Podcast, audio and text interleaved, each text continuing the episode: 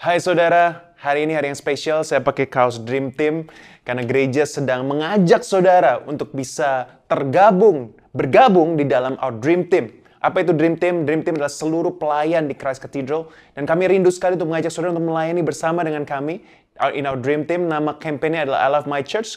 Karena kita percaya kalau saudara mengasihi gereja lokal pasti saudara mau terlibat dalam pelayanan di gereja lokal. So I will give you more details uh, later dan juga tadi sebelum khotbah ini dan juga setelah. Nanti akan ada beberapa slideshow dan QR code yang saudara bisa download and uh, scan so that you can register to our dream team. So, langsung aja hari ini saya ingin share tentang good and faithful. Kita habis uh, merayakan Paskah, Jumat Agung, dan kita akan menyambut perayaan kenaikan Tuhan Yesus dan juga Pentecost and so many other celebrations. But let me tell you something. Tidak cukup untuk kita hanya berkata Tuhan itu baik dan setia. Tapi juga seharusnya kalau Tuhan baik dan setia, kita juga menjadi anaknya yang baik dan setia. Seorang anak akan, akan merefleksikan orang tuanya.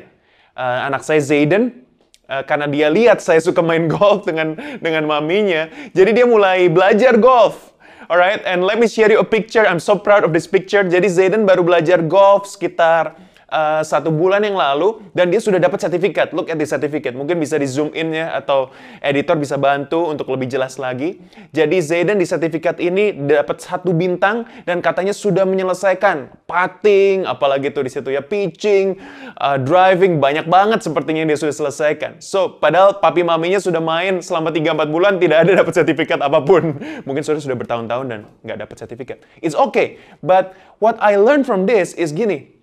Zayden was not actually the best student in class.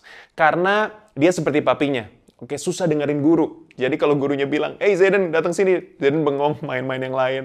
Dan uh, his shot was okay. Jadi nggak selalu kena sasaran, tapi satu kali pernah kena sasaran. There was other student, there were other students, ada student-student lain yang lebih baik daripada dia. Lebih nurut, lebih denger-dengeran. Dan waktu lagi hit juga lebih kena sasaran. Dan performance-nya jauh lebih baik. Jadi saya penasaran karena Zayden cuma dapat satu bintang. Saya, saya intip bagaimana dengan anak-anak yang lain. Yang good and faithful ya kan? Faithful datang terus ke latihan uh, dengerin guru bisa ngehit dengan baik dan performanya bagus. Lalu saya lihat ternyata semua sertifikatnya sama hanya satu bintang. So I'm wondering wah ini nggak fair dong. Anak saya yang kalau diajak sama gurunya ngasih tahu sesuatu nggak dengerin ngehit juga nggak kena ya masih oke okay lah mainnya dibandingkan anak lain yang jauh lebih rajin, ngehitnya bagus, dan dengar-dengaran dengan gurunya. Kenapa semuanya dapat satu bintang? Saya juga ingat ada satu uh, pengalaman di mana di international school, uh, at actually beberapa international school mereka tidak disclose ranking. Kenapa? Jadi nggak ketahuan mana yang nilainya paling bagus, yang paling jelek. Sehingga saya merasa karena saya uh, bertumbuh di satu keluarga yang bisa dibilang Asian banget gitu ya. Kalau Asian tuh sangat kompetitif. Jadi segala sesuatu harus di reward. Ayo kompetisi, mana yang lebih bagus, mana yang lebih hebat. Jadi saya dari dulu mainnya ranking banget. Kayaknya kalau turun dari ranking 5 ke ranking 6, waduh, very frustrated gitu. Because I, I was raised to be a competitive student. Lalu saya mau mencoba lihat dalam Alkitab, kalau dunia ternyata memiliki standar seperti ini ya di mana seorang anak dia baik ataupun buruk berapa kali pun dia datang dia dapat sertifikat yang sama. Mari kita lihat dalam Alkitab apakah Tuhan seperti ini. Karena pikiran saya kalau kalau Tuhan pasti dia akan mereward hambanya yang jauh melakukan lebih banyak, jauh memberikan lebih banyak, yang talentanya lebih baik dan dan perform lebih baik untuk kerajaan Tuhan. So let's see there are three stories in the Bible yang hari ini kita kupas supaya kita mengerti apa sih sebetulnya dan bagaimana sih sebetulnya supaya kita bisa menjadi hamba yang baik dan setia. Let me tell you something, bahwa nanti di akhir zaman atau waktu Tuhan panggil kita, Tuhan tidak akan tanya, Riza, kamu tinggal rumahnya besar nggak? Riza, ada berapa kamar di rumahmu? Riza, mobilmu apa? Riza, pangkat pelayananmu apa? Enggak. Saya, Tuhan cuma tanya, apakah selama saya hidup, selama saudara hidup, saudara sudah menjadi hamba yang baik dan setia? Itu aja. Dia tidak tanya betapa banyak karuniamu, apa yang kamu bisa lakukan? No. Dia akan cuma tanya, apakah have you been a good and faithful servant? Dan saya harap jawabannya adalah yes, I have been good and faithful servant. So let's see the first story adalah story perumpamaan talenta. Saudara sudah dengar ya cerita ini, saya akan uh, jelaskan sedikit mungkin buat saudara yang udah lupa ceritanya. Satu kali Tuhan mengumpamakan kerajaan kerajaan Allah itu seperti seorang tuan yang mau berpergian. Lalu dia panggil hambanya, ada tiga hambanya. Yang satu dikasih lima talenta, yang satu dikasih dua talenta, dan yang satu dikasih satu talenta. Lalu pergilah tuannya itu, waktu tuannya pulang, yang lima talenta mengembalikan sepuluh. Yang dua mengembalikan empat, tapi yang satu dia cuma kembalikan satu aja karena dia kubur, dia takut sama tuannya dan dia tidak mengembangkan talentanya. Seringkali kalau kita dengar cerita ini, kita berpikir bahwa cerita ini mengenai pengembangan potensi kehidupan. Cerita ini mengenai pengembangan karunia. Kalau kita sudah diberikan karunia oleh Tuhan, kalau kita tidak kembangkan, wah kita masuk neraka. Seperti hamba yang satu talenta ini. Mari kita kupas lebih lagi cerita ini supaya saudara mengerti sebetulnya tujuan Tuhan menceritakan ini apa. Oke, mari kita lihat perbandingan kata-kata Tuhan atau kata-kata Tuhan di cerita ini kepada hambanya yang punya dua talenta dan yang punya lima talenta. Karena seharusnya kalau benar uh, hamba yang baik dan setia itu ditentukan oleh performance atau oleh results, maka harusnya yang lima talenta dibilang lebih baik. Benar nggak saudara? Yang lima talenta harusnya diberikan reward lebih banyak. Mari kita lihat satu persatu kata-katanya dari Matius 25 ayat 22 sampai 23 dulu buat yang dua talenta. Lalu datanglah hamba yang menerima dua talenta itu, katanya, Tuan, dua talenta Tuan percayakan kepadaku. Lihat, aku telah beroleh laba dua talenta. Maka kata tuannya itu kepadanya, baik sekali perbuatanmu itu, hai hambaku yang baik dan setia. Engkau telah setia memikul tanggung jawab dalam perkara yang kecil. Aku akan memberikan kepadamu tanggung jawab dalam perkara yang besar. Masuklah dan turutlah dalam kebahagiaan Tuanmu. Let's see what he said kepada yang lima talenta. Ternyata sama persis saudara, baik sekali perbuatanmu itu, hai hambaku yang baik dan setia. Engkau telah setia dalam perkara kecil, aku akan memberikan kepadamu tanggung jawab dalam perkara yang besar. Masuklah dan turutlah dalam kebahagiaan Tuhanmu. Actually cuma ada perbedaan satu kata dalam bahasa Indonesia, yaitu yang dua talenta setia memikul tanggung jawab dalam perkara kecil, sedangkan yang lima talenta setia dalam perkara kecil. Saya curiga, masa sih waktu saya kembali ke Greek word-nya, ternyata tidak ada perbedaan. Side by side, semua kata-kata Yunani-nya sama persis, saudara. Tidak ada perbedaan satupun. Saya jadi berpikir, kalau begitu enak dong yang dua talenta. Kenapa? Karena yang dua talenta sebetulnya hanya mengembangkan, hanya mengembalikan empat. Berarti dia uh, hanya, ya 100% sih dari apa yang dia punya. Tapi yang lima talenta kerjanya lebih sulit tuh saudara. Karena dia harus mencari lima lagi. Wow, itu yang satu bawa dua jadi empat, berarti penambahannya dua. Yang satu bawa lima, lima berarti penambahannya lima ada perbedaan lumayan, saudara. Yang satu bawa dua tambahan, yang satu bawa lima tambahan. Itu sekitar 250 persen. Tapi kenapa Tuhan memberikan reward yang sama? Saya jadi curiga, jangan-jangan selama ini makna daripada perumpamaan talenta ini bukan tentang pengembangan potensi, bukan tentang pengembangan karunia. Karena jelas sekali Tuhan berkata, sama rewardnya, masuklah dan turutlah dalam kebahagiaan Tuhanmu. Kalau saudara seperti saya, dengan mentalitas Asian, dan kita punya anak seperti itu, yang satu bawa 2000, yang satu bawa 5000. Of course, atau yang satu ranking 2, yang satu ranking 1. Of course, kita akan hargai lebih yang rankingnya lebih tinggi. Yang membawa lebih banyak uh, keuntungan. Yang membawa lebih banyak performance. Seperti itulah Asian families in general. Tapi saya percaya kita bukan hanya Asian families, tapi kita Christian families. Makanya kita harus tahu value Tuhan bagaimana mereward anak-anaknya. Lalu saya kembali ke cerita pertama, jadi saya curiga, wow, jangan-jangan ini bukan tentang performa. Jangan-jangan Tuhan sedang menggambarkan sesuatu yang lain tentang baik dan setia, bukan masalah performance. Mari kita lihat cerita kedua. Nah, cerita kedua ini cukup menarik. Saudara, saya nggak bisa bahas satu persatu ayatnya, tapi saya mau saudara baca sendiri di rumah ya. Matius 20 ayat 1 sampai 15. Coba saudara pahami cerita ini. Adapun hal kerajaan surga sama seperti seorang tuan rumah yang pagi-pagi benar keluar mencari pekerja-pekerja untuk kebun anggurnya. Setelah ia sepakat, garis bawah kata sepakat, dengan pekerja-pekerja itu mengenai upah berapa? Sedinar sehari. Ia menyuruh mereka ke kebun anggurnya. Oke, yang pertama dikatakan pagi-pagi benar. Saya nggak tahu jam berapa, jadi saya spekulasi aja jam 6 pagi. Tapi kalau sudah baca terus uh, ceritanya, dia uh, tuan ini merekrut lima kali. Yang pertama jam 6 pagi, yang kedua jam 9, yang ketiga jam 12, yang keempat jam 3, dan yang terakhir jam 5 sore. Lalu jam 6, semuanya selesai. Jadi ada yang kerja selama 12 jam, ada yang kerja selama 9 jam, ada yang kerja selama 6 jam, selama 3 jam, dan ada yang kerja hanya selama 1 jam. Tentunya dalam pikiran kita, sekali lagi, wow, harusnya pastor yang kerja 12 jam, udah keringetan sampai gosong ya kalau kerjanya di Indonesia apalagi tuh kebakar gitu kan. Jadi apa harus pakai sunscreen satu liter kali itu dari atas sampai bawah dikelumuri sunscreen semua dan itu pun masih gosong. Dibandingin yang cuma kerja satu jam, ya ampun satu jam belum kerasa kerja. Pasti ini karena Tuhan ini Tuhan yang adil kan Tuhan yang luar biasa. Pasti yang 12 jam dikasihnya nggak satu dinar doang, pasti uh, mungkin 10 dinar atau 5 dinar atau yang uh, you know yang jam 9 juga pasti mikir, "Oh, saya kerja 9 jam, saya akan dapat mungkin 9 dinar." Udah udah semuanya udah pingin nih. Karena semuanya mikir, "Wow, ini pasti deh, pasti kan gua kerja lebih banyak. Aku kan kerja lebih keras daripada yang baru datang jam 5, baru datang jam 3." Yang datang jam 5, jam 3 juga pasti pikir, ah satu dinar cukup lah. Kan saya cuma kerja 3 jam atau satu jam. Eh ternyata saudara, kalau saudara baca Matius 20 ayat yang ke-10 sampai 11, Coba baca ya ayat yang 10. Kemudian datanglah mereka yang masuk terdahulu. Sangkanya akan mendapat lebih banyak. Garis bawah kata sangkanya akan mendapat lebih banyak. Tetapi mereka pun menerima masing-masing berapa? Satu dinar. Lalu mereka marah. Bersungut-sungut bilang, mereka yang masuk terakhir hanya kerja satu jam. Tapi engkau menyamakan mereka dengan kami yang sehari suntuk bekerja berat dan menanggung panas terik matahari. Tapi Tuhan itu menjawab seorang dari mereka, Saudara, aku tidak berlaku tidak adil terhadap engkau. Karena kita sudah sepakat sedinar sehari. Ambillah bagianmu dan pergilah. Aku mau memberikan kepada orang yang masuk terakhir ini. Sama seperti kepadamu. Saya mau tanya saudara, cerita ini fair apa enggak? Nah ini cerita yang membelah keluarga bisa-bisa. Yang bapak bilang, enggak, enggak fair dong. Yang kerja keras harusnya lebih. Yang ibu bisa bilang fair dong kan udah sepakat. Tergantung kalau sudah jurusan hukum sudah akan bilang fair ya kan? Karena hukum kan agree. Tapi saya jurusan marketing saya bilang gak fair ya. Bo chengli karena harusnya yang kerja 12 jam dapat lebih dong.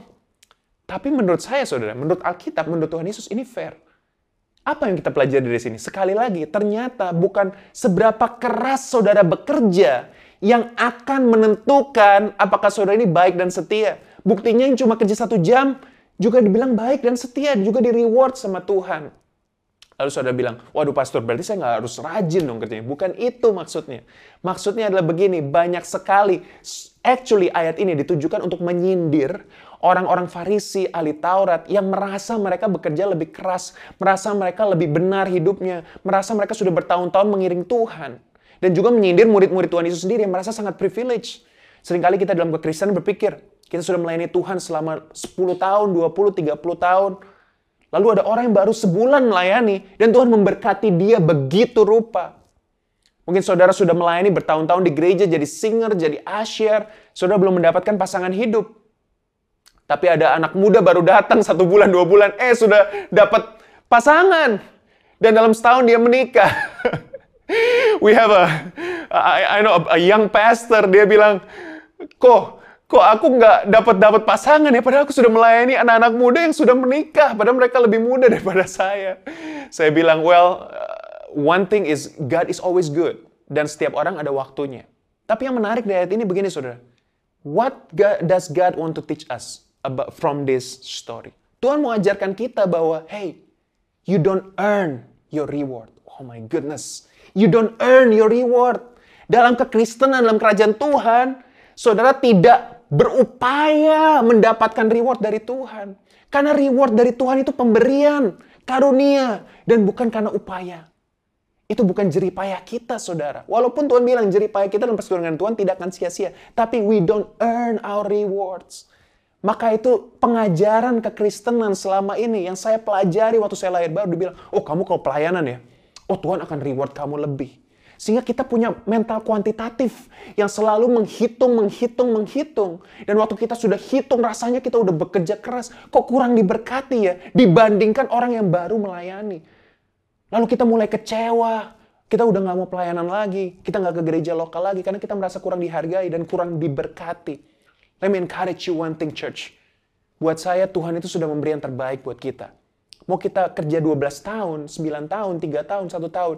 It's His rights and his authority untuk memberkati siapa pun yang dia mau berkati.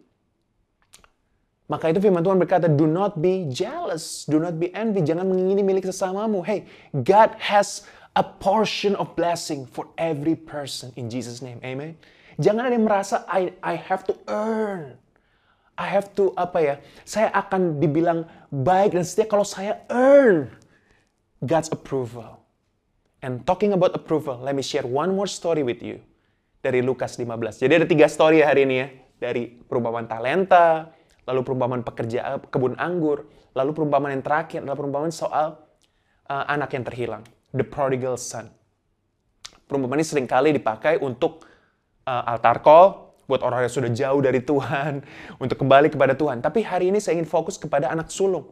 Kita lihat ya, sangkanya akan mendapat lebih banyak. Itu kata yang garis bawahi dari cerita Matius 20 tadi. Mari kita lihat di cerita the prodigal son ini. Lukas 15 ayat 28 waktu anak bungsu short story saudara. Jadi cerita ini tentang seorang anak bungsu. Dia meninggalkan orang tuanya meninggalkan papinya. Dia minta warisan dia hamburkan semuanya. Lalu dia bangkrut kelaparan dia kerja di kandang babi. Mohon maaf saudara Lalu dia kembali ke rumah papinya hanya mau jadi pembantu. Waktu papinya lihat dia, papinya peluk dia dalam kondisi kotor, adakan pesta buat dia. Padahal anak ini anak durhaka, anaknya sudah mengecewakan, anaknya sudah mengkhianati keluarganya. Tapi papinya tetap mengasihi dia sebagai simbolik bahwa Tuhan Yesus tetap mengasihi kita walaupun kita jauh dari dia. Walaupun kita sering kali mengkhianati Tuhan, dia selalu datang dengan tangan yang terbuka. Tapi lihat respon daripada kakaknya daripada anak ini. Lukas 15 ayat 28. Maka marahlah anak sulung itu dan tidak mau masuk. Bicara apa? Maka marahlah orang yang sudah lama melayani ini dan tidak mau masuk ke gereja lagi. Wow.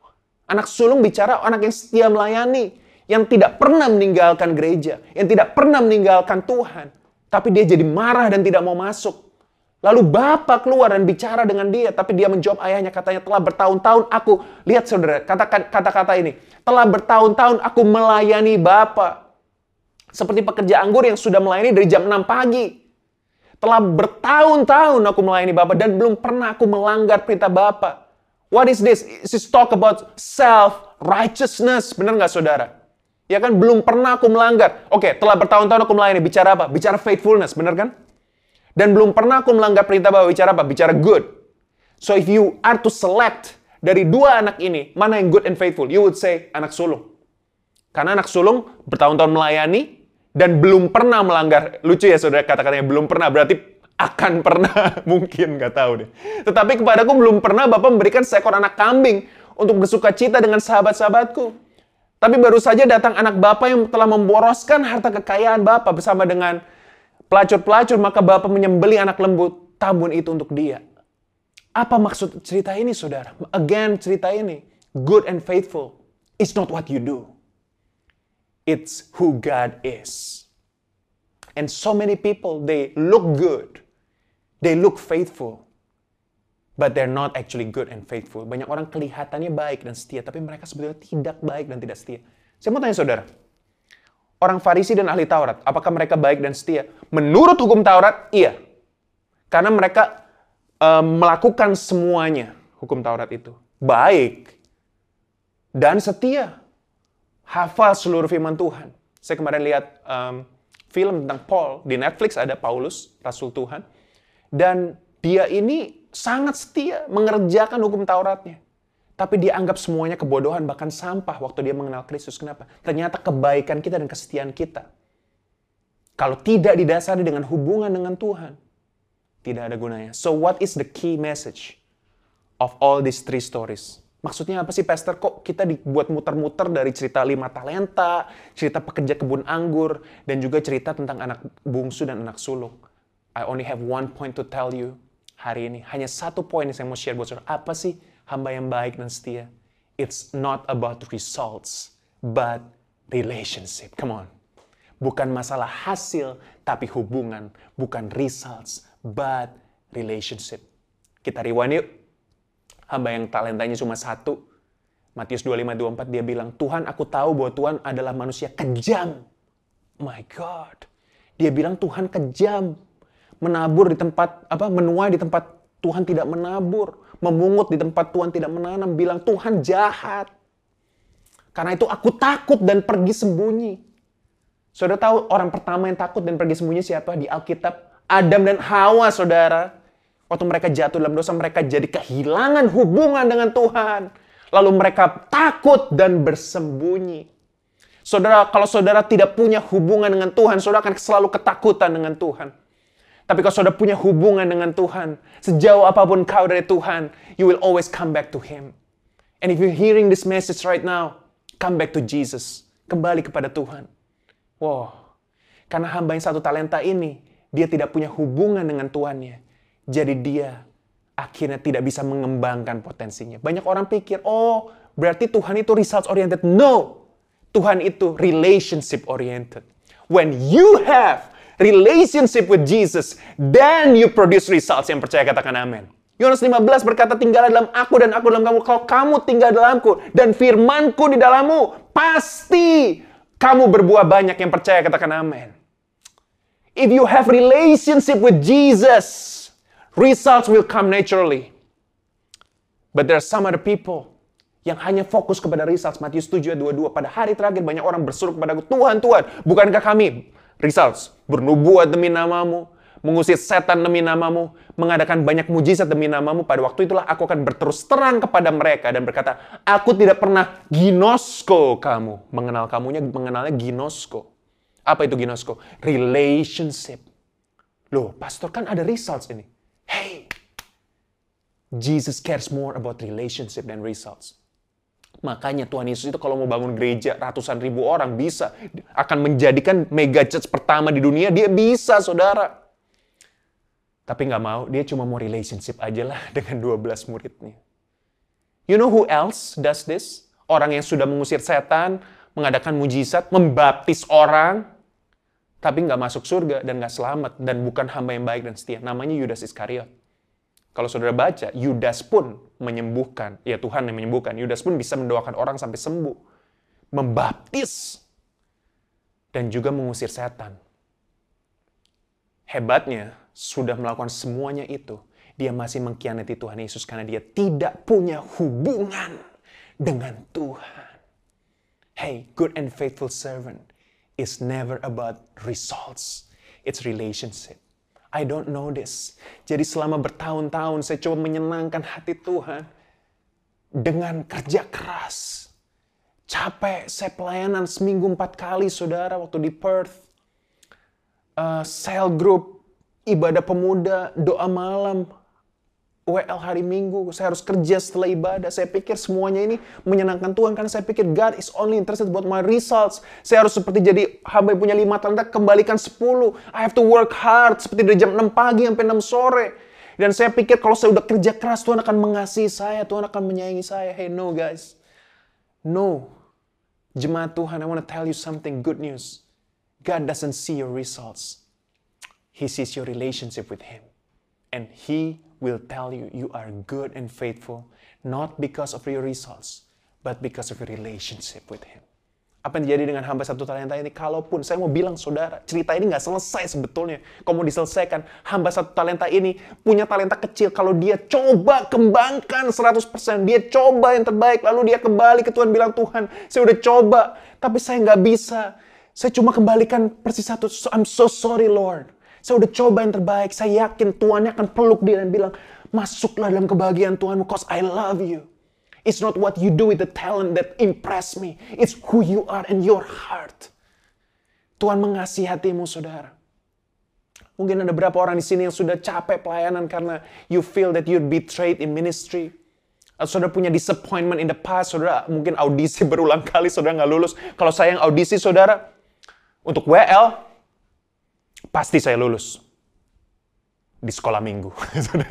Karena saya pun suaranya nggak bagus. Saya juga pernah audisi main bass nggak lulus, saudara di gereja, bukan di gereja keras Cathedral. Karena kalau di gereja keras Cathedral saya nggak audisi main bass terlalu banyak yang bagus ya main bass. Tapi kalau saudara mau silahkan audisi. But I want to tell you something, right? So many people are get disappointed. Wah saya coba gini nggak bisa, coba banyak peraturan dan lain sebagainya. Hey, come back to Jesus karena Tuhan justru mau uji hati kita. Apakah dalam kondisi yang sulit kita tetap mau melayani dia.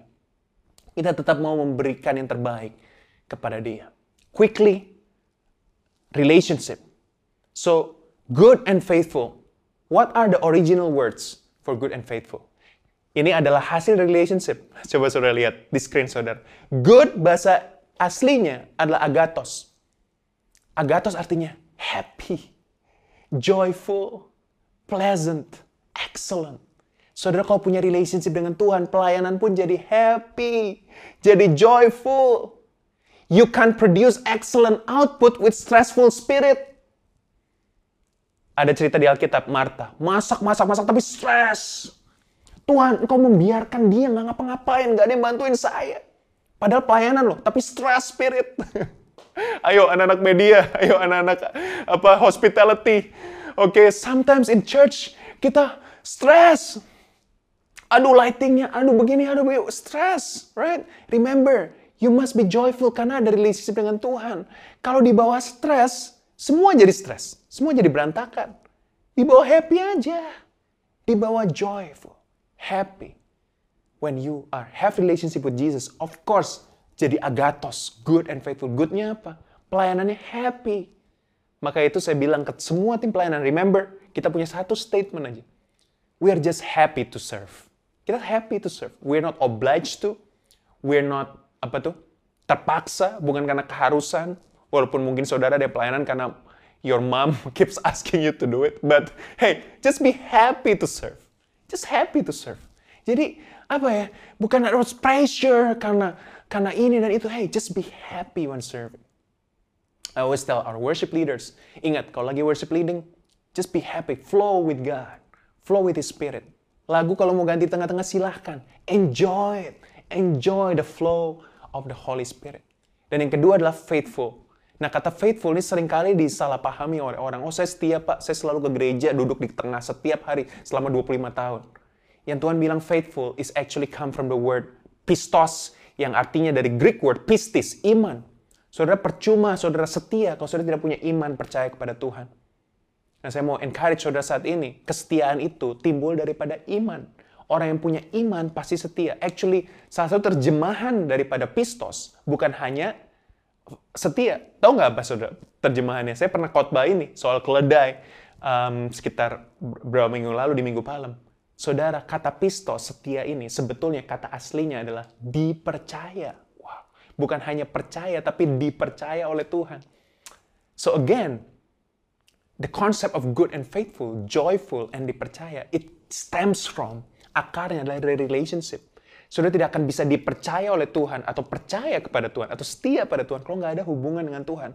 Makanya so many, so many pastors, so many ministers, banyak banget pelayan Tuhan yang burn out. Apa sih burn out? Capek, gue capek, harus nyanyi terus tiap minggu.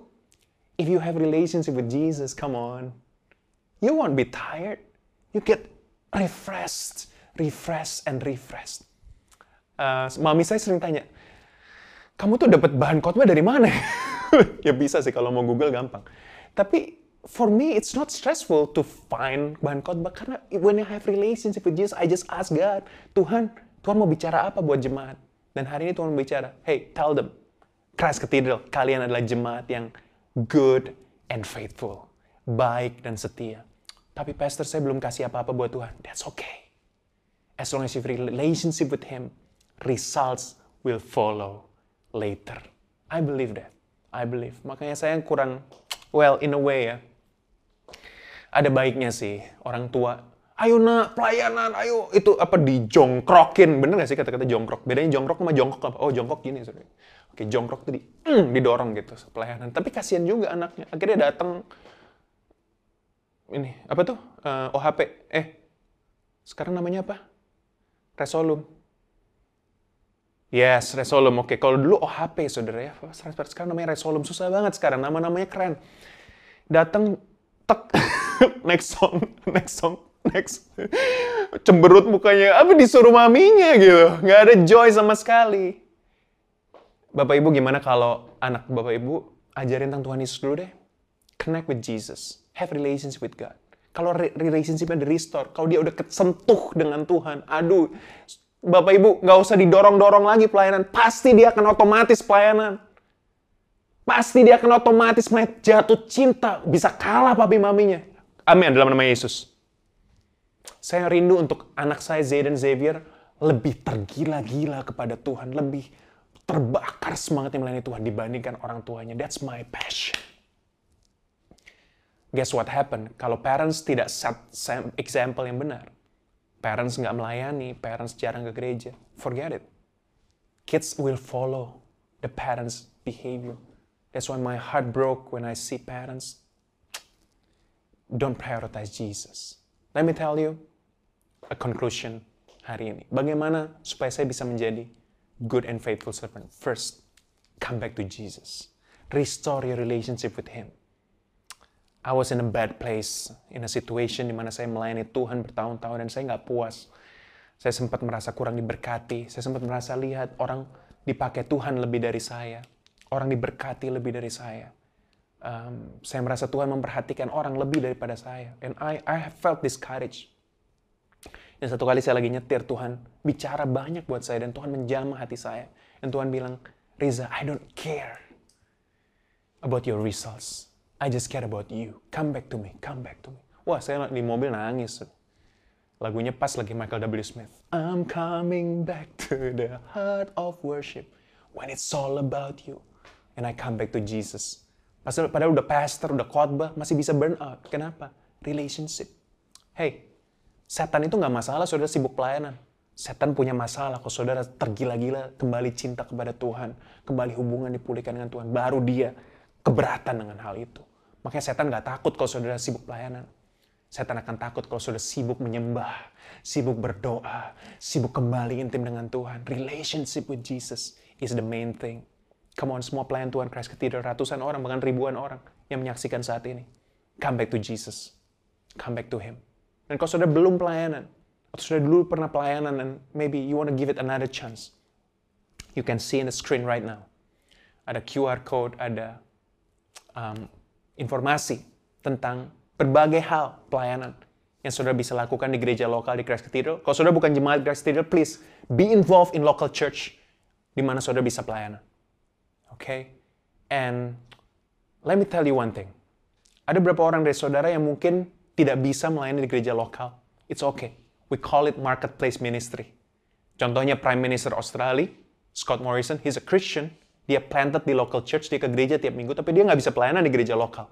Karena kadang minggu dia ada meeting kabinet, meeting dengan yang lain-lain, dan lain sebagainya. Tapi dia sangat menjadi berkat di uh, dunia government, di mana Tuhan tempatkan dia. Namanya marketplace ministry. If it's you, it's okay. Saudara bisa jadi businessman yang terbaik, dentist yang terbaik, dokter yang terbaik, seniman yang terbaik. Tapi saudara tetap harus planted in local church. So I wanna encourage you, tolong dibantu tim untuk ini slide this is our FC. FC adalah community. Di FC, di family community, saudara akan bisa bergabung dan saudara akan bisa dimuridkan. I want to encourage you karena saudara tidak bisa berfungsi secara maksimal melayani Tuhan, menjadi pelayan yang baik dan setia sendirian. Saudara perlu encouragement, perlu support dari berbagai orang. So I want to encourage you kalau saudara belum punya FC, juga scan the QR code on your screen uh, or go to our website. Gampang sekali isi form ini dan we will be in touch with you. I have, we have a strong team yang memperhatikan kebutuhan saudara dari segala umur, segala interest. So those are the two practical steps you can take. Join our dream team atau kalau saudara adalah marketplace minister, saudara uh, aktif di marketplace, it's okay. We want to empower you, we want to encourage you. Please join our FC supaya kita bisa kenal saudara dan bisa melepaskan saudara, mengempower saudara di marketplace di mana pun saudara berada. And I just want to have a bit of altar call moment right now. Uh, musik bisa dibantu di background, and I want to worship together with you. As I just feel right now, uh, Tuhan bicara, saudara banyak yang mengalami seperti saya.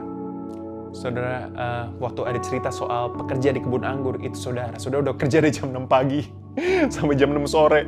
Dari subuh sampai matahari terbenam. Kerja keras, saudara cuma dapat satu dinar. Oh, saudara merasa, men, yang lain cuma kerja satu jam dapat juga satu dinar. Um, I, I remember I was saving up for a shoe, sepatu buat buat um, wedding kayaknya. Terus saya udah nabung, nabung, nabung ya kan. Ya, Tuhan berkati saya sih. But saya tuh kalau pilih sepatu lama gitu karena aduh sayang harganya mahal. Udah deh nanti aja, nanti aja. Eh ada satu anak muda masuk. Tek tek tek. Lihat sepatunya. Gue mau beli langsung aja. Gesek. Selesai. Saya lihat, wah Tuhan, itu anak nggak pelayanan loh dan lebih muda dari saya.